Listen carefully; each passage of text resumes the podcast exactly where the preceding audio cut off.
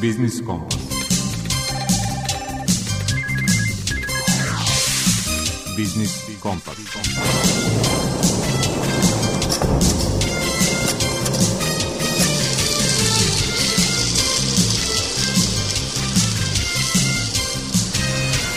Pred mikrofonom je Đuro Vukilić.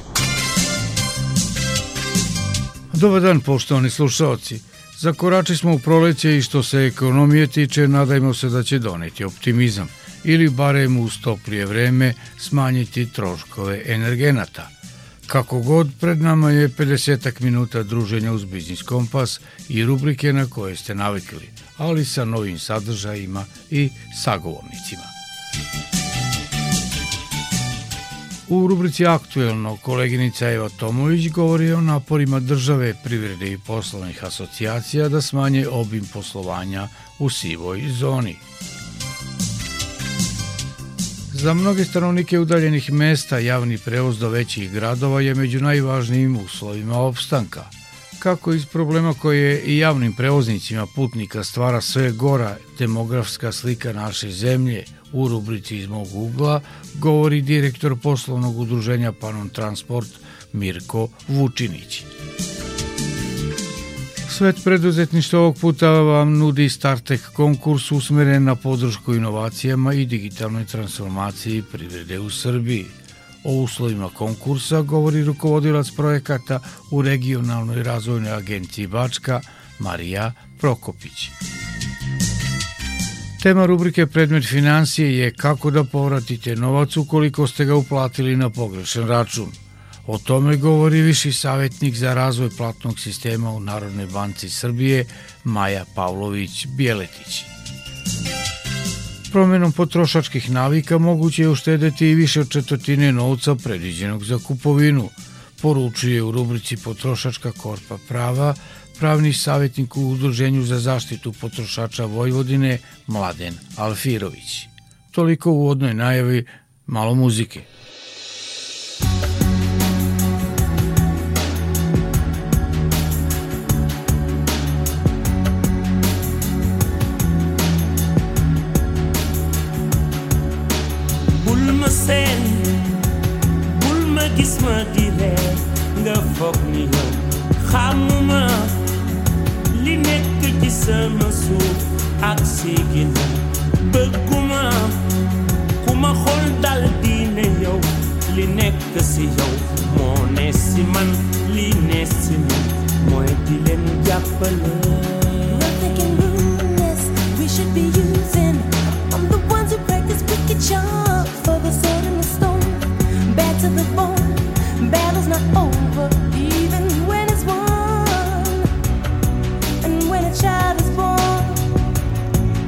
This world,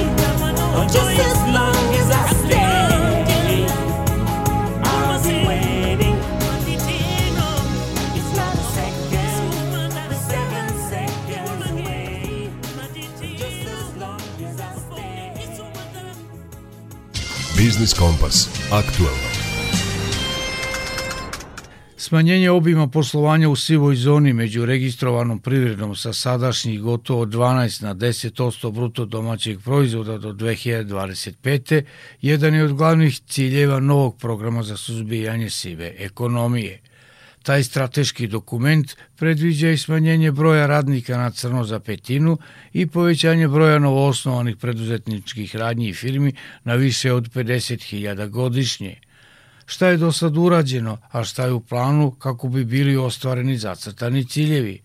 O tome Eva Tomović. Program obuhvata 23 mere i više od stotinu aktivnosti koje predviđaju unapređenje rada inspekcijskih organa i prekršenih sudova, jačanje poreskog nadzora, kao i posticaje i olakšice za privredu. Ministar financija Siniša Mali podsjetio je da je od donošenja prvog programa za suzbijanje sive ekonomije 2015. ispunjeno više od 70 planova, Naveo je uspeh e-fiskalizacije kao i sistema e-faktura. I kako je kazao, mnogo je urađeno na reformi Poreske uprave i koordinaciji inspekcija. Poručio je da su važne dalje aktivnosti poput reforme carine te povezivanje Poreske uprave sa carinom kao i uvođenje e-akciza i e-otpremnica. I ako pogledate poslednje istraživanje nalada, vi imate samo od 2017. do 2021. godine u doba ogromne i ekonomske krize i pandemije COVID-a i svega ostalog, dakle samo u te četiri godine smanjenje učešće sive ekonomije za oko 3 procentna poena, dakle sa 14,9 na negde 11,7%, to je veliki korak napred, to je skoro 20%, dakle bolji rezultat za samo 4 godine. Naravno, to je i velika obaveza za nas da nastavimo još agresivnije i brže i bolje i jače da se borimo protiv sive ekonomije. Razvoj inovativnih platnih instrumenta jedan je od prioriteta u radu Narodne banke Srbije, a u digitalizaciji platnih usluga i inovativnih servisa ostvarili smo značajan napredak, kazala je viceguvernerka Narodne banke Srbije Dragana Stanić. Takve aktivnosti direktno doprinose suzbijanju sive ekonomije.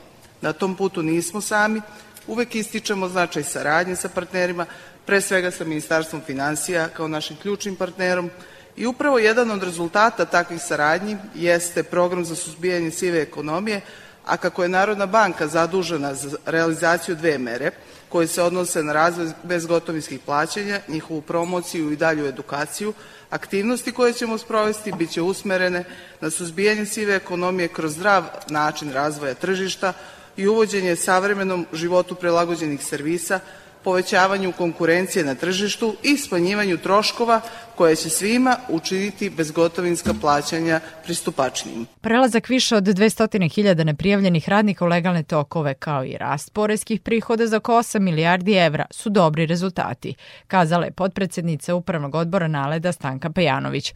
Uporkas tome smatra da je obim sive ekonomije još visok. Ključ u daljoj borbi je, kako kaže, Digitalizacija. Digitalizacija administrativnih procedura jeste način da građane i privredu odvratimo od traženja prečica kroz sivu zonu.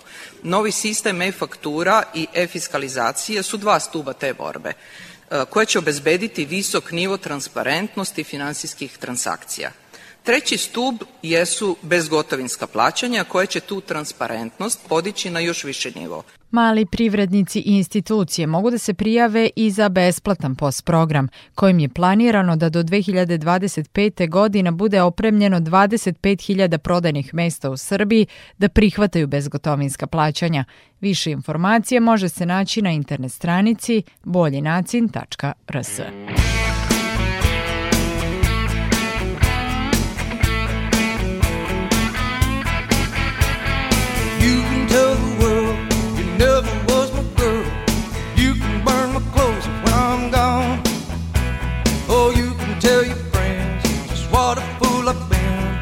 laugh and joke about me on the phone. You can tell my arms go back into the phone. You can tell my feet to hit the floor. Or you can tell my lips to tell my fingertips they won't be reaching out for you no more. Don't tell my heart, my achy, breaking heart. I just don't think he'd understand. And if you tell my heart, my achy, breaky heart. He might blow up and kill his man.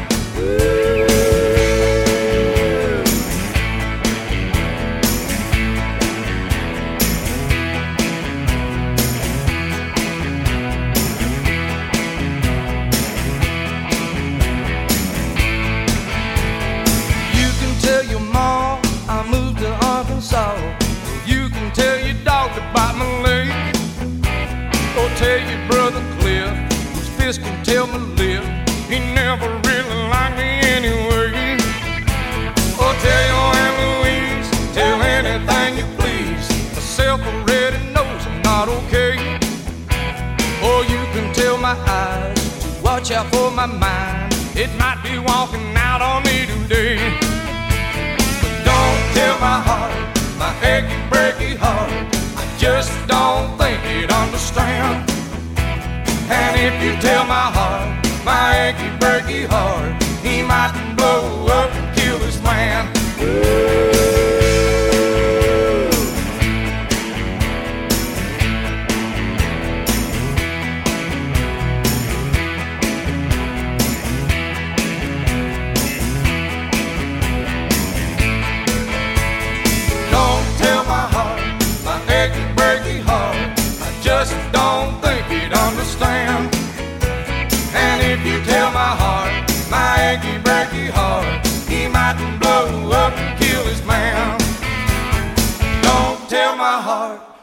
achy, breaky heart. I just don't think he'd understand.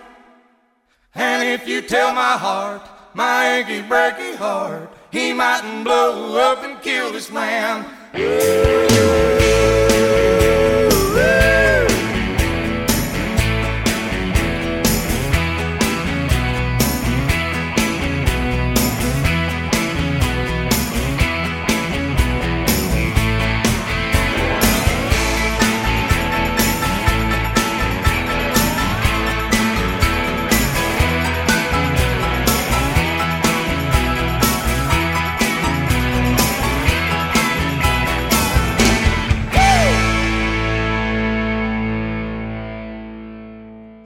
Biznis Kompas iz mog ugla. Nepovoljna demografska kretanja u vidu smanjenja broja stanovnika i migracija stanovništva ka velikim gradovima predstavljaju nove izazove i za javni autobuski prevoz. O rešenjima kojima bi država izašla u susret i građanima iz manjih mesta i javnim prevoznicima putnika u drumskom saobraćaju u rubrici iz mog ugla govori direktor poslovnog udruženja Panon Transport Mirko Vučinić. Jedan od velikih problema koji ima Republika Srbija se odnosi na migracije stanovništva, odnosno na smanjenje broja stanovnika. To je zaista drastično.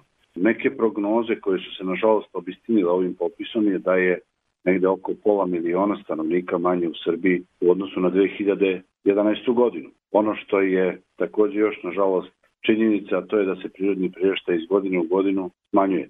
Sve ovo trebamo imati na umu kada razgovaramo o javnom prevozu putnika kao izuzetno važnom servisu e, ne samo putnika, fizičkih lica kao pojedinaca, nego i celokupne države, celokupnog sistema, jer taj javni servis faktički se obavlja u funkciji i građana i privrede, odnosno rada, trgovine, turizma, drugih usluga, kao i obrazovanja, zdravstva, državnih institucija, sudstva, policije, vojske i tako dalje. I to je važno napomenuti jer javni prevoz putnika u drumskom saobraćaju, naročito na distancama do 50 ili nešto više kilometara, nema pre svega komercijalnu funkciju, nego upravo tu javnu funkciju, odnosno da bude servis onima kojima je to potrebno. Takođe, važna funkcija javnog prevoza putnika u drumskom saobraćaju je da spreči intenzitet migracija, odnosno da napravi održivi broj stanovnika ravnomerno raspoređen u svim delovima Srbije. Te lokalne migracije pre svega se odnose na migraciju selo-grad, odnosno na migraciju manje razvijeni okruzi ka veće razvijenim okruzima, a naravno onda i na migracije koje se tiču iseljavanja stanovništva iz Srbije. Zato je važna ja, funkcija autobuskog prevoza, naročito javnog linijskog prevoza putnika u drumskom saobraćaju. Ono što je važno, a to je da nije interes samo da postoji određeni prevoz na nekoj relaciji, na nekoj liniji, kroz red vožnje, kao ispravu po kojoj se obavlja prevoz, nego je vrlo važno da on ima određene elemente kvaliteta usluge koji će zadovoljiti te korisnike, odnosno koji će ih nagnati da oni koriste tu vrstu prevoza. To se pre svega podrazumeva red vožnje, definisane trase, brojevi i rasporedi polazaka, stajališta, režimi obavljanja prevoza i tako dalje. Znači, putnik želi da zna koji broj polazaka ima na raspolaganju, kako su oni raspoređeni po vremenskim intervalima, da su fokusirani na one špiceve kada ih putnici, odnosno korisnici usluga najčešće koriste, da taj prevoz bude tačan i pouzdan, ali vrlo važan faktor je i sama cena prevoza koja ne može i ne treba da bude na svim relacijama komercijalna.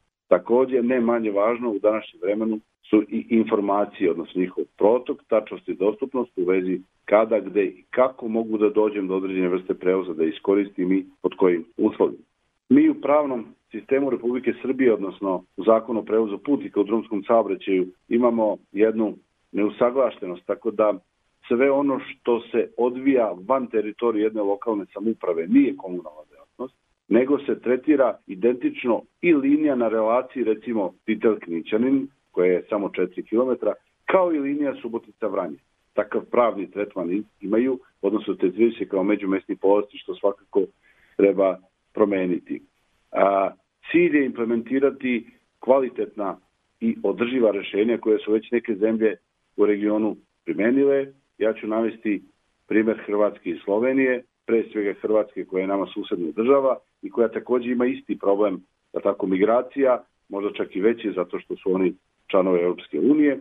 Elem, oni su uspostavili taj sistem javnog linijskog prevoza putnika ne samo kao komunalnu delatnost na nivou lokalne samuprave, nego i kao regionalni prevoz, odnosno na nivou županije i naravno država određuje redove vožnje, polaske onako kako to odgovara stanovnicima, odnosno korisnicima usluga, naravno u skladu sa tim važnim faktorom rentabiliteta i održivosti i da imamo win-win-win kombinaciju, odnosno da je to dobitna kombinacija da benefite osete i država i putnik, a svakako i prevozi. Naravno, na jednu stepenicu više su se popeli, da tako kažem, kolokvijalno Slovenci, koji su cijelu svoju državu obuhvatili, tretiraju je kao, tretiraju prevoz u Sloveniji kao komunalnu delatnost, odnosno kao jednu vrstu javne usluge javnog servisa, dostupno svim građanima gde su kompletan autobuski linijski prevoz na teritoriju Republike Srbije povezali, država, da tako kažemo, diriguje šta, kako, gde i kada će da se obavlja i prilagođava to svojim potrebama, naravno građana i korisnika usluga, a prevoznici su tu kao izvršioci pod jasno određenim i ugovorenim uslovima. Ono što treba napomenuti je da je Evropska unija svojim propisom, odnosno direktivom 1370 iz 2007. godine već regulisala ovu oblast i pravno propisala, odnosno uredila kako bi to trebalo da se obavlja, što je država, što je Republika Slovenija primenila na svojoj teritoriji. Naravno, nas tek čeka taj zadatak ako želimo održivost i broja stanovnika, ali i njihov, uslovno rečeno, ravnomeran raspored po okruzima i po lokalnim samupravama. Predlog je da teritorijalne jedinice koje će biti osnov za opružanje ove vrste usluga bude kod nas okrug, jer Srbija ima 30 okruga, tačnije 29 okruga plus grad Beograd, od čega čini mi se je sedam u Vojvodini, pet na Kosovu i ostatak je ono što mi kolokvijalno zovemo uža Srbija i da se država angažuje, odnosno da određena struka i naravno politika zajedno u koordinaciji kreiraju ono što su potrebe građana i da se samim tim sistem učini pre svega održivim, da ljudi nemaju potrebe da iz gradskih, prigradskih i naselja koja su nešto dalje od grada migriraju kako bi zadovoljili svoje osnovne potrebe u smislu radnih aktivnosti, školovanja i tako dalje. To je ideja koju ćemo predložiti nadležnim državnim organima i to je ideja u kojoj ćemo, naravno ako budemo pozvani i udruženje Panon Transport i ostali važni subjekti učestvovati u realizaciji, pokušati da doprinesemo da se to uspešno sprovede u delo, naravno uz sve moguće korekcije, jer svaki sistem, a pogotovo sistem javnog prevoza putnika je dinamičan, promenjiv, uz sve moguće korekcije kada taj sistem bude zaživeo kako bi on bio, da tako kažemo, optimizovan i služio svoje svrsi.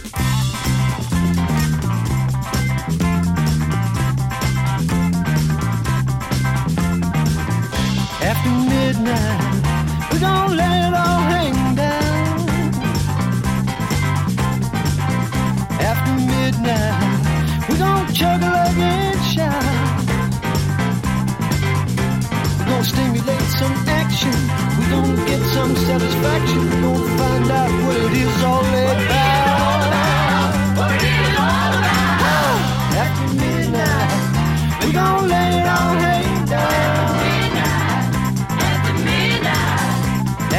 Midnight, we're gonna shake your tambourine. After midnight, after midnight, after midnight.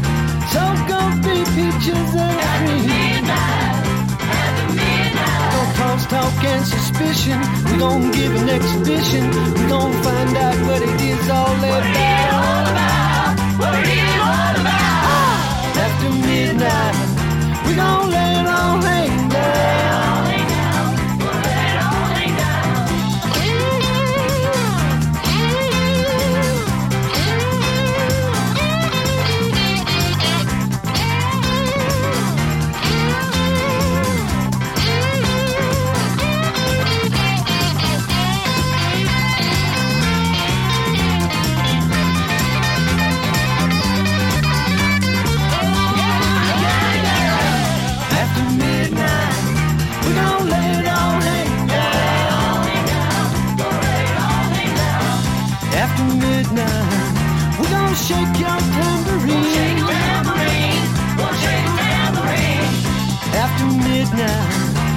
gonna be pictures and shake a tambourine. Don't cause talk and suspicion. We don't give an exhibition. We find out what it's all about. We're night. After midnight, we it all hang down. After midnight. After midnight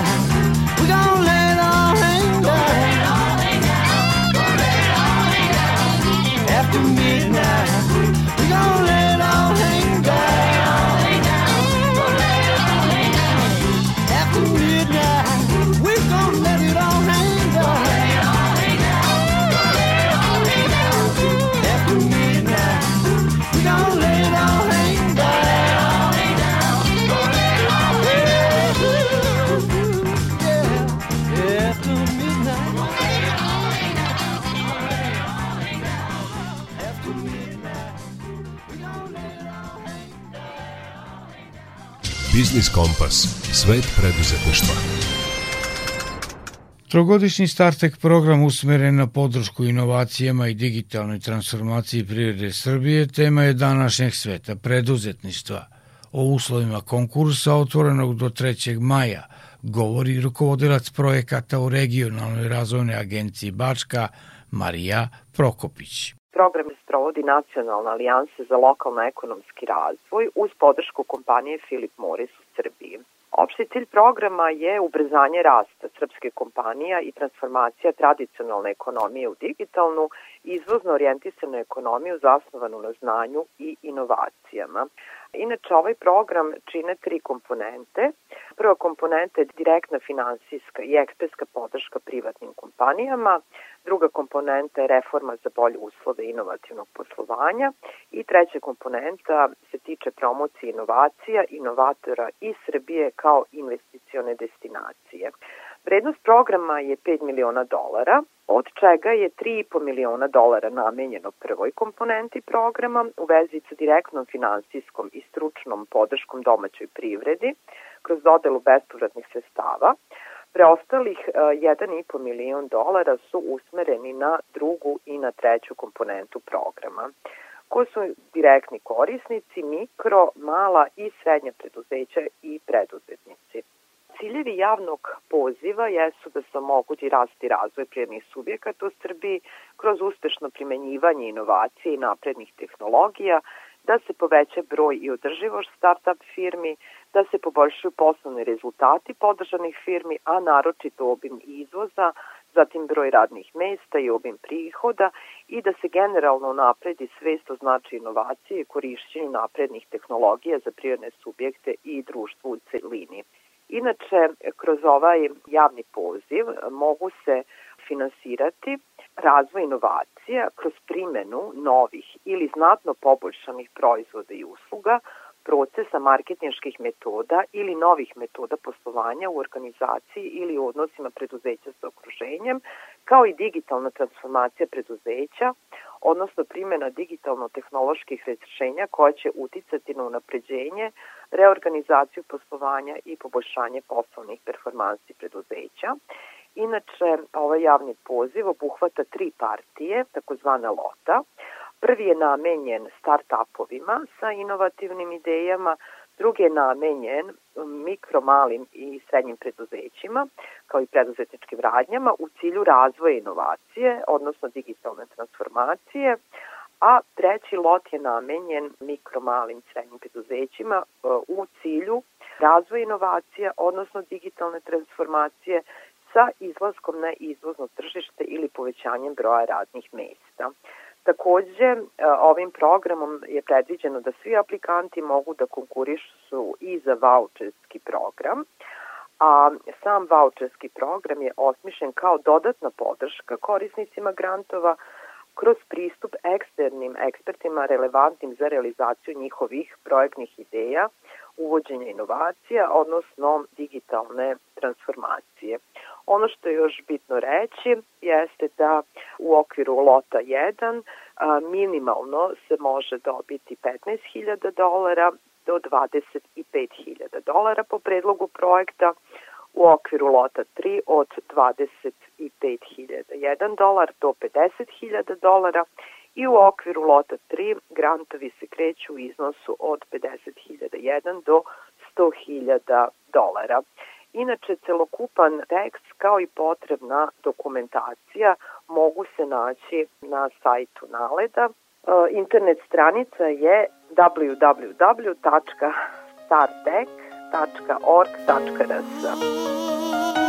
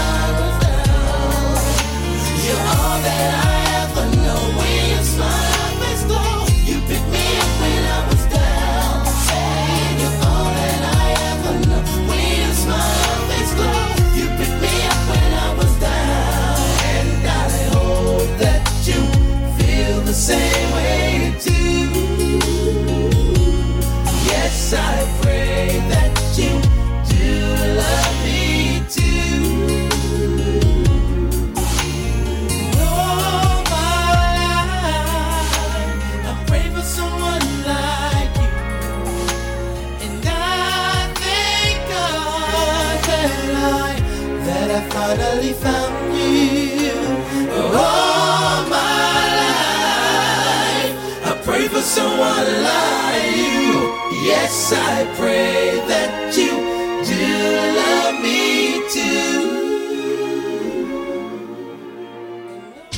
Biznis Kompas. Predmet financije. Tema današnje rubrike Predmet financije je kako da povratite novac ukoliko prilikom uplate pogrešno upišete broj računa primaoca. Svaku mogućnost greške te vrste isključuje korišćenje usluga naše centralne banke pod nazivom Prenesi i MBS IPS QR kod, objašnjava viši savjetnik za razvoj platnog sistema Maja Pavlović-Bjeletić. Pitanje odgovornosti u vezi broja računa, koji po definiciji zakona o platnim uslugama predstavlja jedinstvenu identifikacijonu oznaku, regulisana je članom 55 pomenutog zakona, kojim je propisano da ako je platni nalog izvršen u skladu s jedinstvenom identifikacionom oznakom primaoca plaćanja iz tog naloga, odnosno unetim brojem tekućeg računa, smatra se da je taj nalog pravilno izvršen u delu koji se odnosi na određenje primaoca plaćanja, bez obzira na druge podatke dostavljene pružaocu platnih usluga. Shodno tome, ukoliko je platilac prilikom iniciranja izvršenja platne transakcije svom pružaocu platnih usluga dostavio broj tekućeg računa lica kojem nije nameravao da izvrši uplatu, njegov pružalac platnih usluga nije odgovoran za nepravilno izvršenu transakciju. Navedeno je posebno bitno istaći zbog pravne sigurnosti, jer bi bilo koje drugo rešenje otvorilo prostor za različite vrste sporova i nepouzdanosti. Na primjer, korisnik bi mogao da se predomisli u vezi plaćanja i da to pružaocu platnih usluga predstavi kao grešku, a ukoliko bi bio predviđen drugačiji postupak u odnosu na trenutno rešenje, to bi moglo da dovede do situacije da se ni jedno plaćanje ne bi moglo smatrati konačnim usled mogućnosti naknadnog opoziva. Ovde bismo takođe napomenuli da ne postoji mogućnost da se transakcije izvrši tako što će platilac slučajno kod unosa broja računa upisati jedno ili više pogrešnih cifara – jer je struktura broja tekućeg računa definisana i formira se u skladu sa pravilima propisanim odlukom o jedinstvenoj strukturi tekućih računa, prema kojoj numeričku oznaku tekućeg računa čine tri odvojena dela i to fiksni broj pružaca platnih usluga, broj računa, znači i kontrolni broj. Kontrolni broj, odnosno dve poslednje cifre broja računa, izračunavaju se pomoću propisane matematičke formule od prethodnih cifara od kojih se račun sastoji. S tim u vezi, pružaoci platnih usluga proveravaju tačnost iskaza u momentu kada platilac podnosi nalog i plaćanje se neće izvršiti ukoliko kontrolni broj nije u skladu sa definisanom formulom. Dakle, ukoliko broj računa kao jedinstvena identifikacijona oznaka nije tačan, pružalac platnih usluga nije odgovoran za neizvršenu ili nepravilno izvršenu platnu transakciju, već je sva odgovornost na platiocu, tako da ukoliko je izvršen prijenos, on treba da zahteva i povraćaj novca od primaoca. Platilac povraćaj novca može zahtevati direktno od lica kome je novac uplatio ili preko pružaoca platnih usluga, a postupak je isti bilo da je u pitanju pravno ili fizičko lice. Ukoliko je primalac novca pravno lice, odnosno preduzetnik, do podataka je lakše doći, jer platilac podatke o vlasniku računa može pronaći u javno dostupnom jedinstvenom registru računa koji vodi Narodna banka Srbije, gde se unosom podatka o broju računa može doći do ostalih podataka o pravnom licu, odnosno preduzetniku. Tako da platilac može bez odlaganja kontaktirati firmu koju su sredstva greškom uplaćena i zahtevati povraćaj sredstava. S druge strane, podaci o brojevima računa fizičkih lica nisu javno dostupni podaci, tako da u slučaju kada platilac ne zna ko je primalac sredstava, najbolje da odmah se obrati svom pružalcu platnih usluga. U skladu sa zakonom o platnim uslugama, pružalac platnih usluga platioca je dužan da na zahtev korisnika platnih usluga odmah preduzme sve razumne mere kako bi korisniku bio vraćan iznos platne transakcije, a pružalac platnih usluga primaoca plaćanja je dužan da u tom cilju sarađuje sa pružalcem platnih usluga platioca, kao i da pruži sve potrebne informacije kako bi došlo do povraćaja iznosa platne transakcije. Ako povreće novčanih sredstava platiocu nije moguć, banka platioca je dužna da na njegov pismeni zahtev odmah dostavi sve razboložive informacije koje su potrebne za ostvarivanje prava na povraćaj novčanih sredstava, kao što su to informacije o primaočevom pružaocu platnih usluga i o primaocu plaćanja. Nažalost, u određenom broju slučajeva kada povrat novca nije moguće ostvariti na neki od prethodno opisanih načina, sudski postupak ostaje kao jedina alternativa i tada korisnik dalju proceduru za povraćaj greškom prenetih novčanih sredstava sprovodi u skladu sa opštim pravilima o sticanju bez osnova koje su utvrđena u zakonu o obligacionim odnosima, podnošenjem tužbe nadležnom sudu. Imajući u vidu sve prethodno navedeno, savetujemo vaše slušalce da nakon što unesu podatke, a pre nego što potvrde i pošalju nalog banci, da prenese sredstva, provere sve podatke koje su uneli, a posebno broj računa na koji žele da uplate, odnosno prenesu sredstva.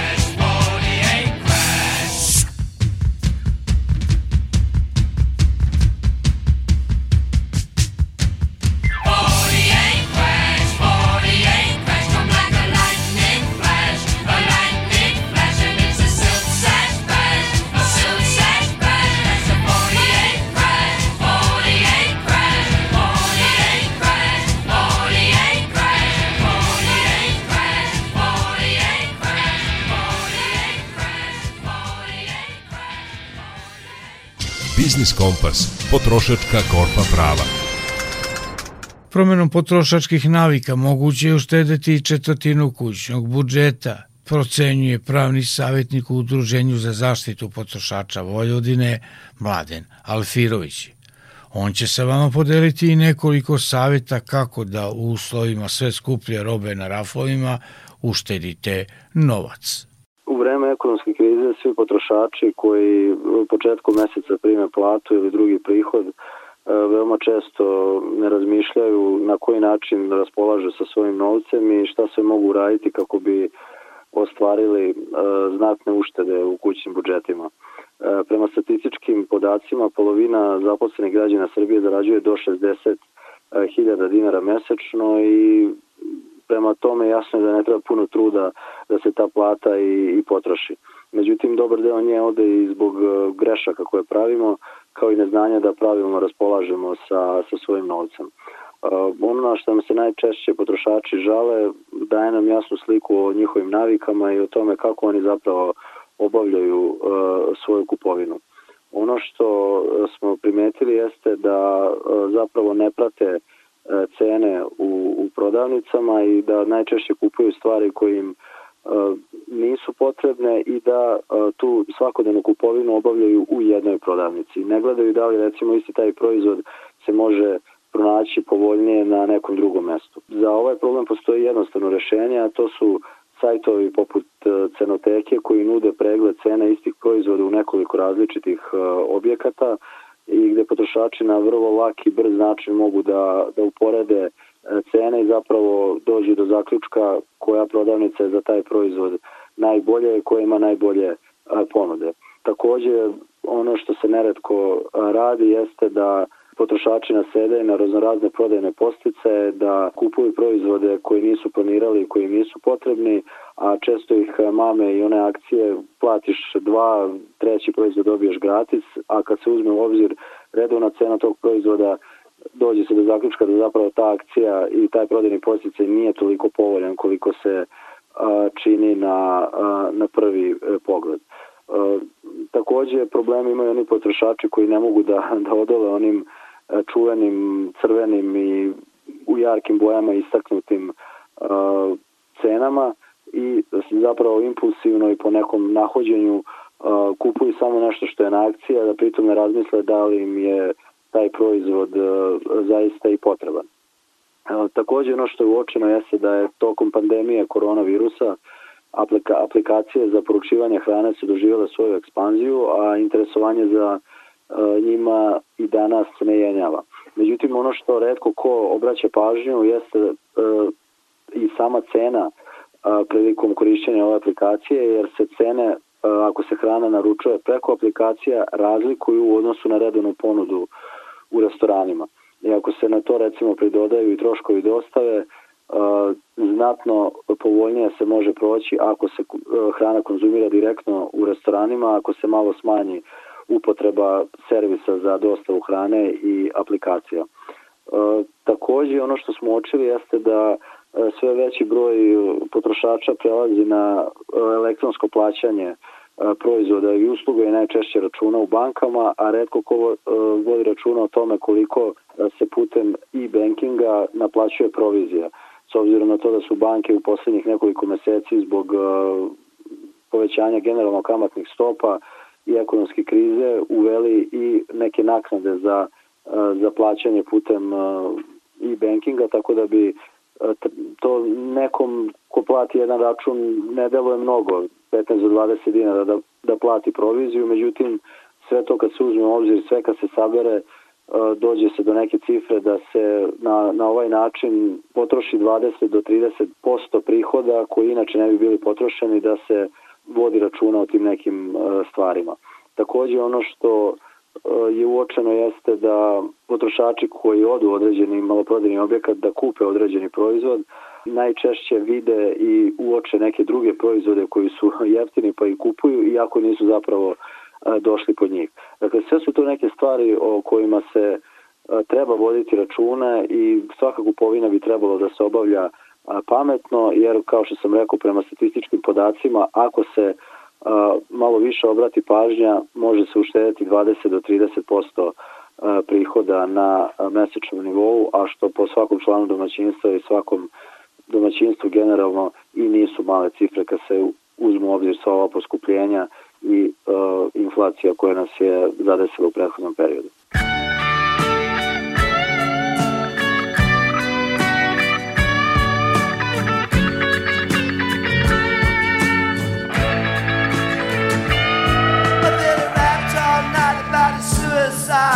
I'd kick it in the head when he was 25. Speed jive, don't wanna stay alive when you're 25. And when you're stealing clothes from Marks and Sparks, and Freddy's got spots from ripping up the stars from his face. Funky little boat race. The television man is crazy. Sam with juvenile delinquent Rex.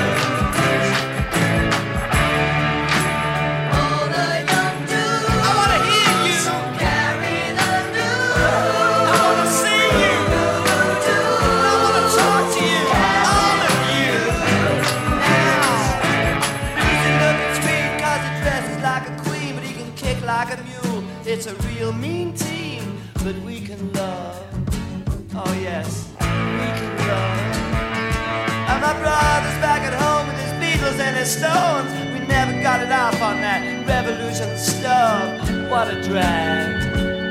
Too many snags. Nah, I drunk a lot of wine and I'm feeling fine. Gotta raise some cap to bed.